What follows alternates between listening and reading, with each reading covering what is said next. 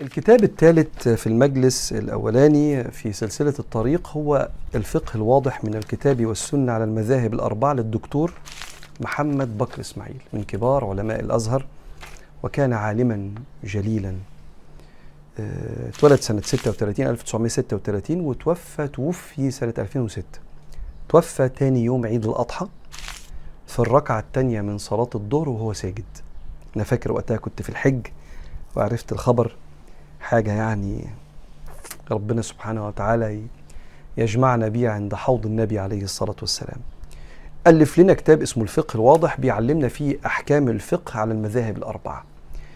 آه ليه أحكام الفقه على المذاهب الأربعة في سلسلة الطريق؟ عشان أنا نفسي أديكم صورة آه آه يعني واسعة عن الفقه. وتعرف آراء العلماء في المسائل الفقهية والعبادات فيبقى عندك كده شايف تاريخ الأمة الإسلامية. وتبقى عارف إن في مسائل فيها خلاف وكل مذهب معتبر من المذاهب الأربعة الأحناف أبو حنيفة المالكية الإمام مالك الشافعية محمد بن إدريس الشافعي والحنابلة الإمام أحمد بن حنبل. تعرف إن كل مذهب له أدلته في المسائل فلما يبقى في رأي بيبقى رأي معتبر. فلما تعرف إن في خلاف في المسألة تشوف الأنسب بالنسبة لك اللي تعرف تعبد بيه ربنا وتحترم الخلاف اللي موجود في الأمة. فإجماعهم حجة قاطعة واختلافهم رحمة واسعة. لما يجمعوا على مسألة خمس صلوات فريضة يبقى الكل تمام يبقى ده مراد ربنا وقول ربنا وقول سيدنا النبي عليه الصلاة والسلام.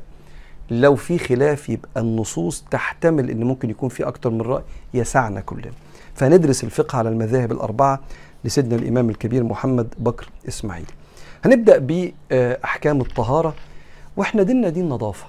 وربنا مش سايب لنا المسألة دي نجتهد فيها شخصيا. ليه؟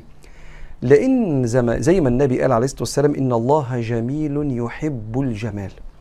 والمسلمين أمة نظيفة بتتطهر بتتطهر من النجاسات والقاذورات وبتتطهر إن ريحتنا ولبسنا يبقى نظيف. وسيدنا النبي كان يقول كده كان يقول تجملوا حتى تصيروا في الناس شامة. شامة يعني علامة. اللي يشوفك كده يعرف إنك تبع النبي عليه الصلاة والسلام من جمالك ونظافتك لأن الله جميل يحب الجمال.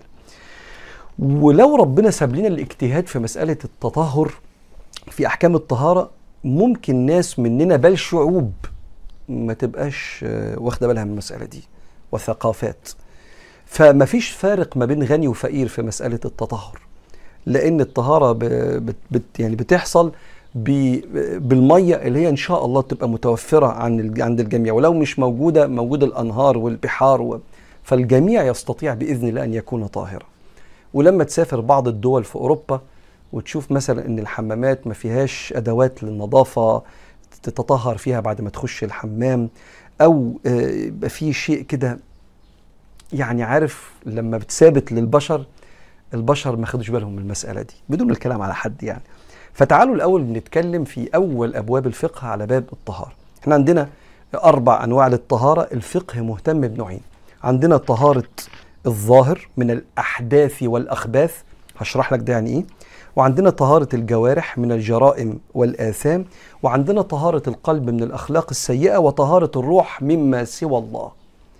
الفقه بيهتم بأول اتنين طهارة الظاهر من الأحداث والأخباث. وطهارة الجوارح من الجرائم والفقه برضو. اتكلم عن المعاملات في البيع والشراء وحقوق الناس.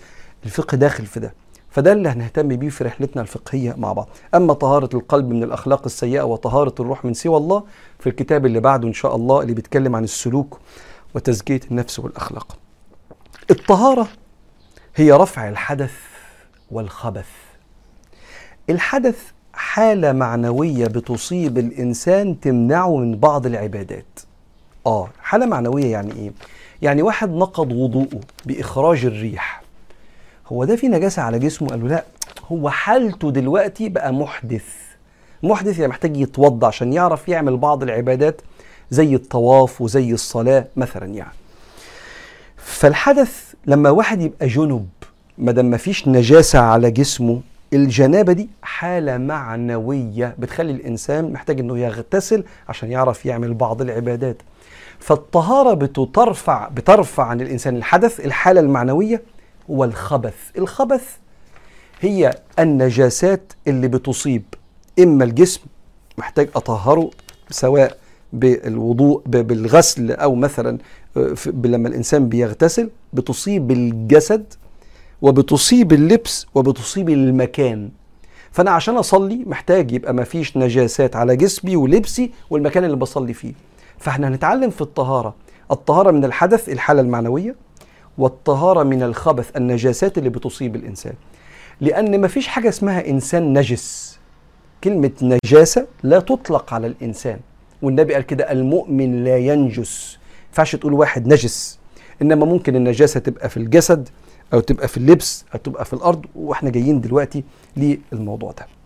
طيب عشان نتكلم على مسألة الطهارة إحنا محتاجين نعرف وإحنا بنتطهر بإيه؟ قال له بالمية. قال له يبقى محتاجين نعرف أنواع المية اللي ينفع نتطهر بيها. فيبقى المجلس الأولاني بيتكلم على أنواع المياه اللي ينفع تتوضى بيها أو ينفع إنك أنت تغتسل بيها. علشان البني آدم ممكن يجود فيقول إيه؟ طب أنا في نجاسة على أو أنا مثلا جنب طب ما نغتسل باللبن. ده اللبن ده شيء طاهر وشيك وأغلى من المية. طب ما نغتسل بالعطور. ما تصبوا عليا يا جماعة برفانات واغتسل كده إيه بال- بالمسك. الزيت المسك ده. قالوا لأ. اللي بيخليك متوضي أو مغتسل ترفع الجنابة المياه. فقالوا إن المياه اللي ينفع تتطهر بيها أربع أنواع. النوع الأولاني الماء المطلق. مية. لم يتغير لونها ولا طعمها ولا ريحتها. الميه دي بتنزل من حنفيه ماء الأمطار ماء الأنهار ماء البحار. الميه دي ينفع تتوضى فيها أو تغتسل فيها. اسمه الماء المطلق. طاهر في نفسه مطهر لغيره. أدي أول نوع. النوع الثاني ماء خالطه شيء طاهر لم يؤثر على لونه أو طعمه أو ريحه. زي إيه؟ زي ميه وقع فيها طوبة. زي ميه وقع فيها حاجة بلاستيك. حاجة طاهرة وقعت في الميه ما غيرتش لا اللون ولا الطعم ولا الريحة. تقول لي انت بتقول كلام إحنا مش محتاجينه. ما إحنا بنتوضى من الحنفية يا عم استنى بس انت اعرف الحاجات دي انت ما تعرفش تحتاجها إمتى. تعلم العلم فإنك لا تدري متى تحتاج إليه. في سفر في كامب طلعته في مش عارف مكان ما فيهوش مية. اعرف بحيث تبقى المعلومة عندك مخزنها كده ويمكن تحتاجها. يبقى الماء المطلق الطبيعي ماء سقط فيه شيء طاهر ما غيرش ولا لونه ولا ريحه ولا طعمه. ماء النوع الثالث؟ تغير لونه أو طعمه أو ريحه بأشياء تلازمه. يستحيل أن تنفصل عنه. زي مية فيها تراب مية فيها طين مية فيها رمل. هي حاجات طاهرة خلت المية رصاصي شوية في نهر من الأنهار آه، خلت آه، البحر في آه، المية كده مصفره شوية عشان مليان رمل. لا تستطيع إنك أنت تشيل منه الرمل ده أو التراب. فهو خالطه طاهر أثر على لونه أو طعمه أو ريحته لكن لا يستطيع الإنسان أن ينفك يشيل منه الأشياء الطبيعية اللي سقطت فيه. يبقى الماء الطبيعي خالص بينزل من حنفية أو المطر أو الأنهار أو البحار. ماء خلطه طاهر ما غيرش لونه ولا ريحه ولا طعمه زي يسقط فيه شيء طاهر زي الصخرة ولا شيء بلاستيك أو حاجة زي كده. ماء تغير لونه أو طعمه وريحته بشيء لا تستطيع إنك تشيله منه زي يكون في رملة أو في طينة في مية في نهر مثلا كبير أو بحر. النوع الأخير وهو نوع آخر كما قال الإمام محمد بكر إسماعيل نوع يجوز التطهير به أصابته نجاسة بسيطة لم تؤثر على لونه أو طعمه أو رائحته. لحديث النبي صلى الله عليه وسلم إن الماء طهور طاهر في نفسه مطهر لغيره ده معنى كلمة طهور. إلا أن تغير ريحه أو لونه أو طعمه بنجاسة تحدث فيه. ففهم منها إن لو نجاسة حصلت فيه صغيرة لم تؤثر على لونه أو طعمه أو ريحه ينفع إنك أنت تتوضأ منه أو تغتسل منه زي حمام سباحة كبير. مئات الألتار آه، من كذا لتر يعني من من المية مئات. وجه طفل صغير تبول فيه حاجة بسيطة جدا لم تؤثر لا على اللون ولا على الطعم ولا على الرائحة. بعض الأحناف بيجوز الوضوء بماء خالطه طاهر غير من أوصافه لكنه ما غيرش وصفه إنه مية. يعني إيه؟ جه طاهر فيه بس هو لسه مية. آه طب بس أوصافه اتغيرت. آه بس ما هو لسه شكله مية. زي إيه؟ كان سيدنا النبي اغتسل في يوم من الأيام من قصعة فيها بعض أثر العجين. يعني القصعة دي الطشت ده حاطين فيه مية وبعدين فيه شوية أثر عجين. فالمية بيضت سنة من أثر العجين. جم يغسلوا العجين ما طلعش كله. فلما حطينا المية بيضت سنة كده بس بحاجة طاهرة بس لسه اسمه ميه يعني لما بصيت عليها دي اسمها مية لم تتغير. جوز الأحناف الوضوء بمثل هذه آه، بمثل هذا النوع من المياه. يبقى أربع أصناف بس خليهم كده إيه في بالك.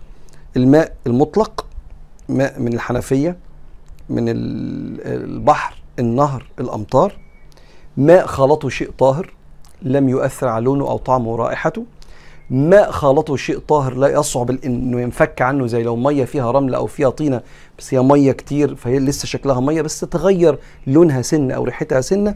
ونوع آخر لو سقطت نجاسة صغيرة جدا في ألتار كثيرة يعني جمع لتر يعني لو كان الجمع ده صح يعني كثير من المياه أصابته نجاسة صغيرة لم تؤثر على لونه أو طعمه. أو رائحته دول أربع أصناف المياه اللي ينفع نتوضى بيها أو نغتسل بيها. ونكمل المرة اللي جاية باب الطهارة في كتاب الفقه الواضح على المذاهب الأربعة من الكتاب والسنة على المذاهب الأربعة دكتور محمد بكر إسماعيل.